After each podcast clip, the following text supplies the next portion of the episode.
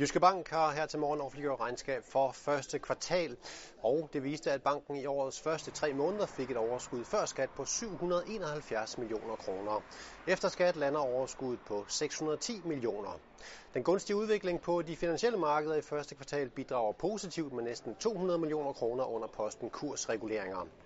Jyske Bank meddeler endvidere, at det igangværende aktietilbagekøbsprogram på 500 millioner kroner forhøjes med yderligere 500 millioner kroner, og at opkøbsperioden forlænges til udgangen af september i år. Og øh, så velkommen til dig, ordførende direktør Anders Stam. Et øh, første kvartals regnskab, der sådan resultatmæssigt flugter meget godt med det, det tilsvarende kvartal i 2018. Er det sådan en, en tilfreds bankdirektør, der kigger tilbage på årets start? Altså jeg vil sige det på den måde, jeg er mere glad for resultatet, efter jeg har set de nærmeste konkurrenters resultater, end var jeg før jeg så dem. Hvad betyder det? Jamen det betyder, at jeg synes faktisk, at vores resultat er ok. Jeg skal huske, at vi er jo tre dage længere fremme nu end, end femårsmarkeringen for sammenlægningen med BRF. Og når vi kigger tilbage på de fem år der, så synes jeg faktisk, at vi har nået nogle bemærkelsesværdige resultater. Vi øgede udlånen med 130 milliarder. Man skal huske på, vi blev handicappet af, at vi mistede for 87 milliarder kroner realkreditudlån i forbindelse med, at vi forlod samarbejde med Nykredit Totalkredit. Det har vi møjsommeligt slæbt hjem, og det har selvfølgelig påvirket vores regnskab gennem alle de år, vi har skulle slide det hjem. Vi har taget markedsandel på privatområdet, på realkreditområdet, på erhvervsområdet, på almindelig boligbyggeri. Vi har fået strømlignet produkter og processer, og øh, vi har markedets bedste obligationskurser sammen med, med en anden konkurrent. Det er bemærkelsesværdige resultater, og vi er stadigvæk inde i en vækstproces øh, på de her felter her. Så når jeg samler det op og holder det op mod, at vi nu endelig for første gang i den periode nærmer os et resultat, øh, der minder om, om konkurrenternes, så synes jeg, det er et okay resultat. Og hvor er det så, kan man sige, hvor er det øh, stenen i skoen er henne? Hvad er det for en sten, der skal ryddes af vejen for, at du så kommer op på det niveau, som du siger, jeg vil gerne være, være endnu højere?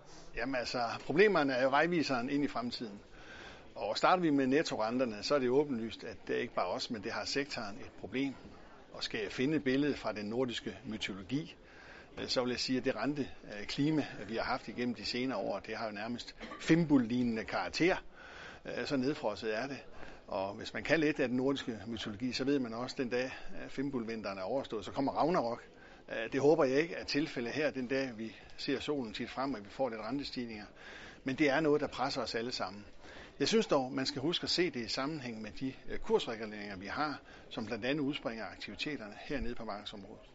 Så er vores gebyrindtægter, som også er lavere end sidste år, men der er den lille krølle på halen, at vi har ingen afkastafhængige øh, indtægter i år på gebyrposten. Så derfor er den lidt svagere, end den var sidste år. Til gengæld så er kursreguleringerne jo noget bedre, så samlet set går vi jo frem i basisresultatet øh, før nedskrivninger. Ser vi på omkostninger, så er der en lille pil opad. Det er der to forklaringer på. Fordi vi har en enkelt lille ejendom nede i Spanien, øh, som har kostet, jeg tror, den er 5-6 millioner kroner. I nedskrivning, det er en ejendom, vi selv ejer, og når vi nedsætter værdien af den, så ryger det op under omkostningsposten.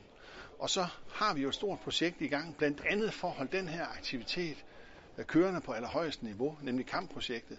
Og det begynder vi altså sådan for alvor at afskrive på, og det vil man se fuldårseffekten af i år. Og det er jo en 12-15 millioner kroner per kvartal. Så omkostningerne er under kontrol, og det kan man også se på den udvikling, vi har i medarbejderstaben, at der holder vi stort set øh, flad med en lille øh, pil nedad. Og endelig så har vi nedskrivningerne, hvor jeg må sige, at det skal også ses i sammenhæng med renterne. På nedskrivningssiden har vi en, en lille indtægt, og den frygt, jeg havde øh, ved starten af tredje kvartal sidste år, den er indtil videre øh, blevet gjort til skamme. Og man skal bemærke, at vi tager altså, selvom vi tilbagefører de her 14 millioner, tror jeg det er, så har vi oven i det taget ledelsesmæssigt skøn på landbruget i negativ retning på godt 100 millioner kroner. Blandt andet med afsæt i, at de aktive priser, vi ser på nogle af de ejendomme, vi får handlet igennem, de er så sværere end det, vi hidtil har taget dem op til. Så på de ejendomme, hvor der er UIV, der har vi typisk øh, nu nedskrevet vores ejendomsværdier til et sted mellem 20 og 25 procent under det, der normalt er tilsynets officielle pris på 150.000 Øh, kroner per hektar. Så har vi endelig kursreguleringer, og de er selvfølgelig ramt øh, af, at vi ikke har en nordiske bank, øh, vi har kunnet sælge i år, men at vi har et lille kurstab der. Det er sådan en summa summarum billede på banken. Og så har vi jo så overskud til, på grund af de indtjeningsmæssige og meget stærke kapitalmæssige forhold, så har vi altså overskud til at kunne købe for 500 millioner kroner yderligere aktier tilbage. Og lad os lige prøve at dykke ned i et par af, af de ting, du har løbet igennem her, Anders Dam. Altså, lad os lige dvæle lidt ved, ved omkostningsbasen. Altså du siger, omkostningerne er under kontrol. Det er jo et tema, som, som mange fokuserer på. Jamen, hvis du har så svært ved at få din toplinje til at vokse, og ikke bare dig, men andre banker, jamen, så må du måske dreje lidt på omkostningsknappen. Du siger, at omkostningerne er under kontrol, men, men ser du gerne pilen pege yderligere ned på? Det gør man jo altid, men det er jo en balance mellem på den ene side at holde en høj motivation i sin medarbejderstab, og det har Jyske Bank. Og på den anden side også at foretage fornuftige langsigtede investeringer, der gør, at vi også er her om 4, 5 og 10 år. Og det er det, vi gør. Og der er man som ledelse nødt til at træffe de beslutninger, også selvom det pikker en lille smule opad. Og så skal man jo huske på, at vi bruger et sted mellem 200 og 250 millioner kroner på hvidvask, hvor jeg til gengæld også føler, at vi er godt med. Og når vi er færdige med tredje kvartal i år, så er de sidste par påbud, øh, som vi fik fra tilsynet, dengang øh, de offentliggjorde deres rapport for et års tid siden, så er vi på plads der også.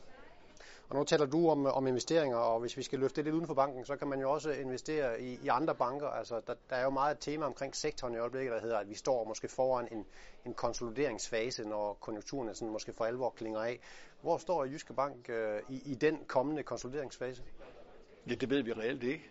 Altså, nu må vi se, hvor længe den her fimbul tilstand, den gør sig gældende på rentemarkederne, og hvad det afløses af. Men det er klart, at der er et indtjeningspres på sektoren, som selvom konjunkturerne kan være fornuftige, godt kan udløse en eller anden form for øh, konsolidering i løbet af 20'erne. Jamen, vi er klar, hvis nogen øh, byder op til dans, og så må vi se, om der er nogen, der, der gør det. Og kort her sidst, lad os lige vende øh, altså meldingen om, at Jyske Bank forhøjer det i gang med en aktie tilbagekøbsprogram. I var i gang med at købe aktier tilbage for 500 millioner kroner, og nu siger de, at vi kommer med en, en halv milliard kroner yderligere. Er det, sådan, er det stilen fremadrettet? Altså bliver det på aktie tilbagekøb, I kommer til at belønne aktionærerne? Jamen altså, vi gør jo det, som vi har sagt igennem mange kvartaler nu, at hver kvartal vurderer bestyrelsen på baggrund af indtjenings- og kapitalforholdene, er der plads til enten et udbytte eller et aktietilbagekøb. Og med de priser, der er på alternativ kapital, holdt op mod vores aktiekurs, så finder bestyrelsen altså, at det er mest fornuftigt at købe aktier tilbage. Tak for kommentaren her til morgen, Anders Dam, og øh, tak fordi du kiggede med. Du finder meget mere om regnskabet fra Jyske Bank på jyskebank.dk. God fornøjelse med det.